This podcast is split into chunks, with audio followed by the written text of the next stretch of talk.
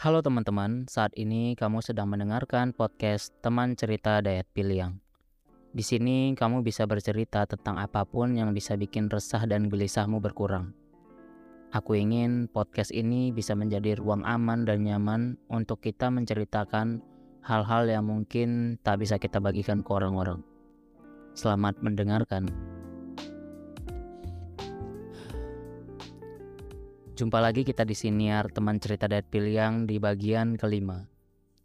Aku sadar empat bagian senior sebelum ini agak sedikit kurang mantap. Acak-acakan mungkin ya. Ya begitu juga mungkin dengan bagian kelima ini, tapi nggak apa-apa. Yang penting kan niatnya baik dan sudah berusaha mempersembahkan dengan maksimal, nggak asal-asalan. Kalau boleh jujur, sebenarnya uh, itu salah satu alasan kenapa aku nggak mau buat banyak hal di media sosial. Aku tuh benar-benar takut nggak bisa muasin orang-orang dengan apa yang aku buat. Padahal ya aku tahu nggak ada kewajiban kita untuk menyenangkan semua orang. Tapi namanya manusia, makhluk sosial, kita mungkin sulit lepas dari ketakutan-ketakutan anggapan orang. Padahal kan ya nggak apa-apa juga orang mau nganggap kita nggak guna, kita itu jahat, kita itu ini dan itu, yang nggak apa-apa juga kan. Ya, yang penting itu faktor internal kita, eh kan. Fokus saja berbuat baik dan meraih apa yang kita inginkan. Ngapain kita repot-repot dengan anggapan manusia lain? Ya kan? Ya kan ya kan? Ya gitu, belum tentu juga benar semuanya itu anggapan orang-orang kepada kita gitu kan yang penting kitanya berbuat baik. Udah itu aja fokusnya. Intronya kayaknya terlalu panjang. Jadi langsung aja kita mulai bacain cerita teman kita yang sudah masuk lewat email teman at gmail.com. Cerita ini dikirim oleh seorang wanita.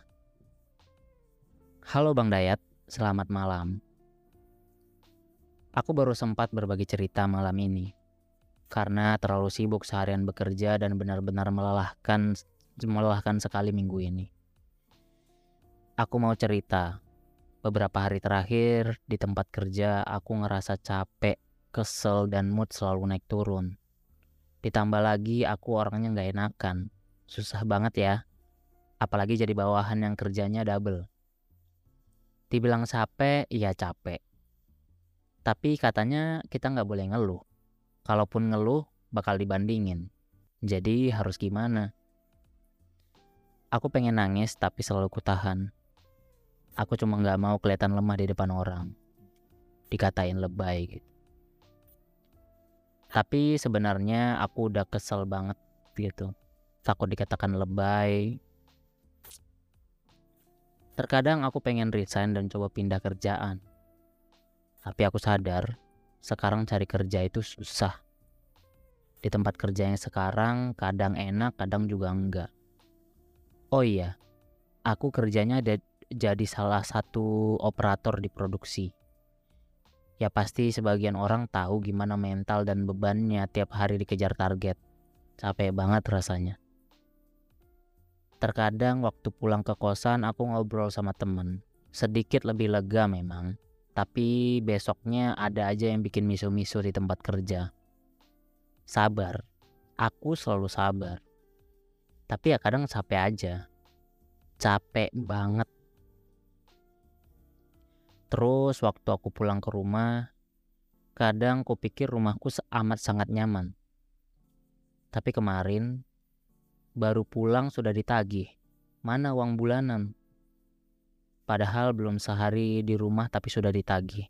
Kayak gitu. Capek, jujur.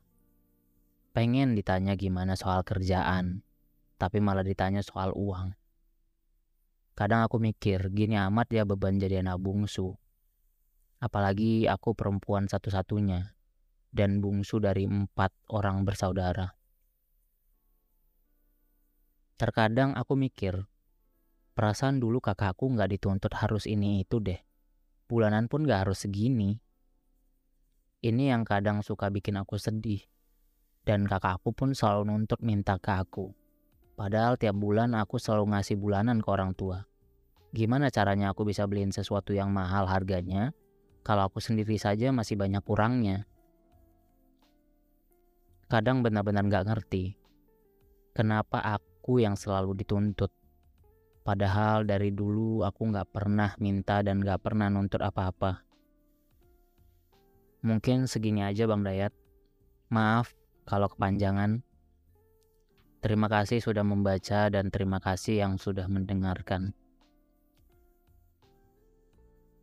Itu dia cerita dari teman kita. Aku mau ucapin terima kasih sebanyak-banyaknya karena kamu sudah berani untuk menumpahkan resah dan gelisahmu dengan bercerita di sini. Semoga, semoga nih ya, uh, saat kamu selesai menuliskan ceritamu itu di email, sebelum kamu ngirimin ke email email aku, perasaanmu udah lebih lega gitu dengan menumpahkan semuanya ke dalam tulisan. Semoga ya aku harap kayak gitu. Aku bisa ngerti apa yang sedang kamu rasakan saat ini di saat harimu sedang tidak baik-baik saja, kamu dipaksa untuk tetap profesional dalam bekerja dengan job desk yang mungkin terlalu acak sebagai bawahan. Tak ada yang bisa kamu lakuin selain nurut dengan apa yang dikatakan atasan. Belum lagi setelah minggu-minggu yang berat kamu lewati, bukan tenang yang kamu dapati, malah berbagai macam tuntutan untuk memenuhi ekspektasi keluarga. Yang mungkin gak pernah memenuhi ekspektasimu sendiri sebagai seorang anak, yang berharap dapat kasih sayang yang banyak, dan kehangatan seperti keluarga orang-orang pada umumnya. Ya gak sih? Jangan ditahan ya. Kalau mau ngeluh, ngeluh aja Siapa yang bilang nggak boleh ngeluh? Boleh ngeluh itu. Siapa bilang ngeluh itu tandanya kita kita nggak bersyukur sama hidup yang barangkali ada yang lebih susah dari kita. Bukan itu. Ngeluh itu untuk kita meluapkan energi negatif aja udah gitu. Sederhana itu. Mengeluh bukan berarti nggak bersyukur itu bukan lawan kata dari bersyukur. Mengeluh itu bukan. Mengeluh dan bersyukur itu dua hal yang berbeda. Kita juga bersyukur setiap setiap waktu gitu kan. Setiap kita mendapatkan hal-hal baik kita selalu bersyukur. Tapi kita juga perlu ngeluh untuk biar energi kita stabil aja gitu. Luapkan keselmu, luapkan letihmu, jangan ditahan-tahan. Tapi jangan sampai ganggu orang aja. Jangan sampai apa namanya lampiasin ke orang. Kita harus punya cara untuk melampiaskan itu ke dalam tulisan misalnya bikin jurnal atau apa pun itu karena yang kamu lakuin sekarang ini udah cukup baik kok.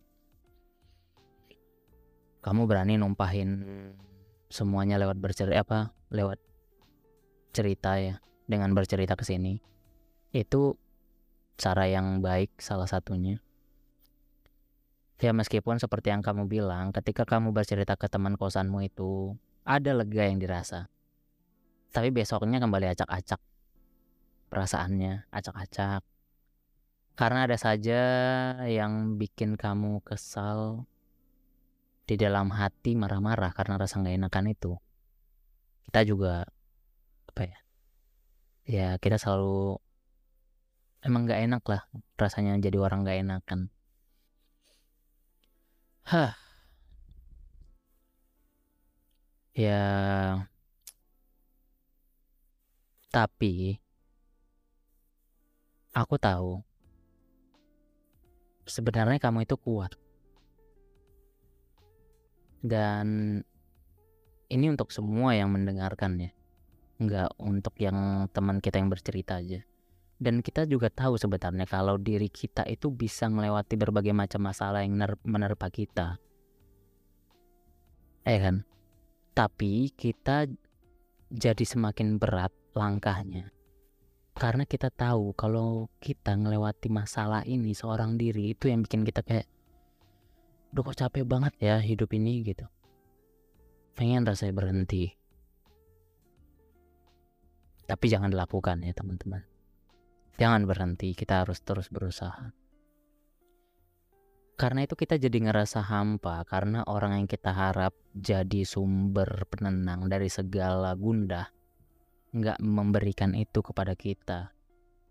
Kita mengharap keluarga mau nanyain kita gimana hari ini, tapi nyatanya kita nggak dapatkan hal itu. Jadi kita ngerasa, tuh hampa banget ya gitu. Nggak ada yang bisa bikin tenang, nggak ada yang bisa bikin kita apa ya. Setidaknya bikin ngasih afirmasi-afirmasi positif gitu bisa kita dapatkan ke orang lain misalnya kita baca-baca di media sosial gitu kan baca-baca tweet orang baca-baca postingan orang baca kata-kata hari ini gitu tapi beda rasanya kalau itu diucapkan sama orang yang kita harap kita harapin beda banget ya gitulah ya bukan tenang yang kita dapatin, malah kesal kita. Karena perasaan kita nggak pernah bisa dimengerti gitu. Nggak tahu, nggak entah orang nggak bisa mengerti atau emang mereka nggak mau ngertiin. Kenapa ya kak selalu kita yang ngertiin orang lain, tapi entah kenapa orang-orang nggak ada yang mau ngertiin kita gitu. Mungkin ada tapi kita nggak tahu ya. Mungkin. Untuk kamu, terima kasih karena sudah bertahan sampai detik ini. Enggak untuk kamu aja, untuk kita semua. Terima kasih karena kita udah bisa bertahan sampai detik ini. Enggak banyak yang bisa aku katakan, tapi setidaknya semoga uh, senior ini bisa bikin kita semua lebih lega. Ya meskipun kayak teman kita yang cerita saat ini besok kita misu-misu lagi oh ya kalau misalnya aku diperbolehkan ngasih sedikit saran ya di cerita teman kita ini supaya hatinya bisa lebih tenang barangkali kamu mendengarkan juga jadi supaya hatimu bisa lebih tenang coba tanya ke dirimu sendiri hidup seperti apa yang sebenarnya kamu inginkan mungkin gak hanya untuk teman kita yang bercerita ini, tapi untuk kita semua. Muncrat. Ludahnya muncrat. Ya maaf teman-teman. Ya coba tanya diri kita gitu, apa sih sebenarnya hidup yang kita inginkan gitu. Karena aku yakin nggak apa namanya nggak semua yang kita inginkan saat ini benar-benar yang kita inginkan gimana itu maksudnya jadi uh, tanya hidup seperti apa yang sebenarnya kita inginkan apa yang sebenarnya kita mau capai ya kan? Tentunya tanpa terpengaruh dengan hidup yang dijalani orang-orang. Pastikan segala ingin itu berasal dari hati kecil kita. Dari hati kecil kita bukan ngelihat orang-orang di sosial media bukan setelah kita tahu apa yang kita inginkan, coba kita bikin rencana-rencana yang realistis untuk mencapai hidup yang kita inginkan itu. Nggak pasti dan langsung kita dapat memang, tapi setidaknya kita tahu dan berusaha mencoba untuk meraihnya. Ya kan? Betul nggak? Nggak betul ya? Ya udah nggak apa-apa. kan ya hidup itu per perlu punya alasan nggak sih? Kita perlu punya alasan supaya hati kita nggak jadi kosong. Ya kan? Itu. Jadi apa ya sadar atau enggak depresi kita ini sedikit banyaknya terpengaruh karena ngelihat kehidupan orang-orang gitu. Ya karena orang-orang di sekitar kita lihat hidupnya kok damai-damai aja ya kok baik-baik aja ya gitu. Padahal belum tentu. Ya enggak sih belum tentu gitu Jadi coba tanyakan ke diri kita sendiri, apa sih yang sebenarnya kita inginkan gitu. Kita pengen hidup yang kayak gimana? Apakah kita pengen kaya? Jelas semua orang pengen kaya, tapi apakah itu yang buat dia bahagia? Apakah itu yang bikin dia uh, apa namanya? tenang dalam hidupnya? Belum tentu sebenarnya. Belum tentu gitu. Karena nggak semua orang pengen kaya gitu. Nggak semua orang. Kalau aku lebih pengennya kayak hidup di desa kecil, kayak desa terpencil ya itu dengan rumah yang sederhana, menghabiskan waktu dengan berinteraksi dengan apa namanya keluarga sekitar, bertani, melakukan banyak hal lah gitu ya yang bisa kulakukan. Banyak uh, membaca gitu kan di teras pagi-pagi baca di teras dengan gorengan dan kopi ya kan? Malam-malam di teras juga duduk. Kayaknya bosan banget ya hidupnya. Tapi itu yang aku inginkan. Walaupun kayaknya rutinitasnya membosankan bagi beberapa orang. Tapi itu yang aku inginkan kenapa ya memangnya? Ya enggak sih? Kan keinginan orang beda-beda. Kalau kalian mau kaya ya nggak apa-apa juga sih. Nggak salah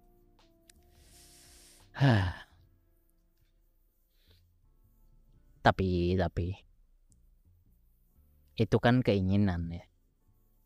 Tapi ya bila nyatanya keadaan nggak bisa dukung mendukung kita untuk meraih apa yang kita inginkan itu ya nggak apa-apa juga. Nikmatin aja. Coba kita cari rencana lain gitu kan. Seperti yang aku bilang meski nggak selalu mendapatkan hal-hal baik dalam hidup setidaknya kita sudah berusaha dalam hidup. Itu yang terpenting. Kita sudah berusaha. Urusan ke depannya gimana? Biarlah semesta yang menentukan.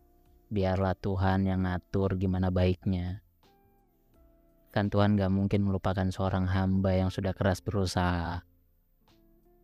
Berusaha agak belibet gitu gak mungkin lah Tuhan ngabaiin kita gak mungkin Tuhan gak melihat perjuangan kita pasti Tuhan melihat. Dan jangan kesel juga kalau misalnya ternyata ini kok nggak diwujud-wujudin keinginanku. Enggak, enggak gitu. Bisa jadi mungkin keinginan itu nggak baik buat kita gitu. Kan Tuhan lebih tahu apa yang kita butuhkan.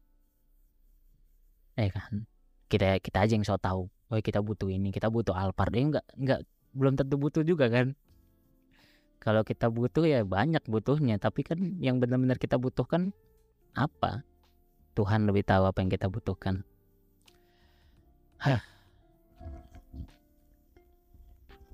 nggak ada yang bisa aku omongin lagi selain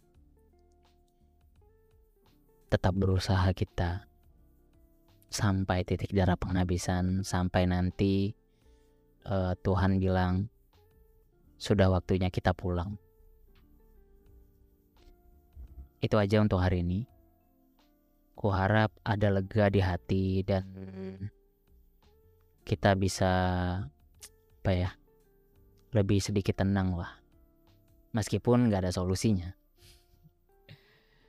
sekali lagi aku mau ingetin buat kamu yang ingin menumpahkan resah dan gelisah di hati silakan kirimkan lewat email di gmail.com Sampai bertemu lagi di bagian-bagian selanjutnya dari siniar teman cerita Dayat Piliang. Semoga ada banyak hal-hal baik yang kita dapatkan. Aku Dayat Piliang. Bye.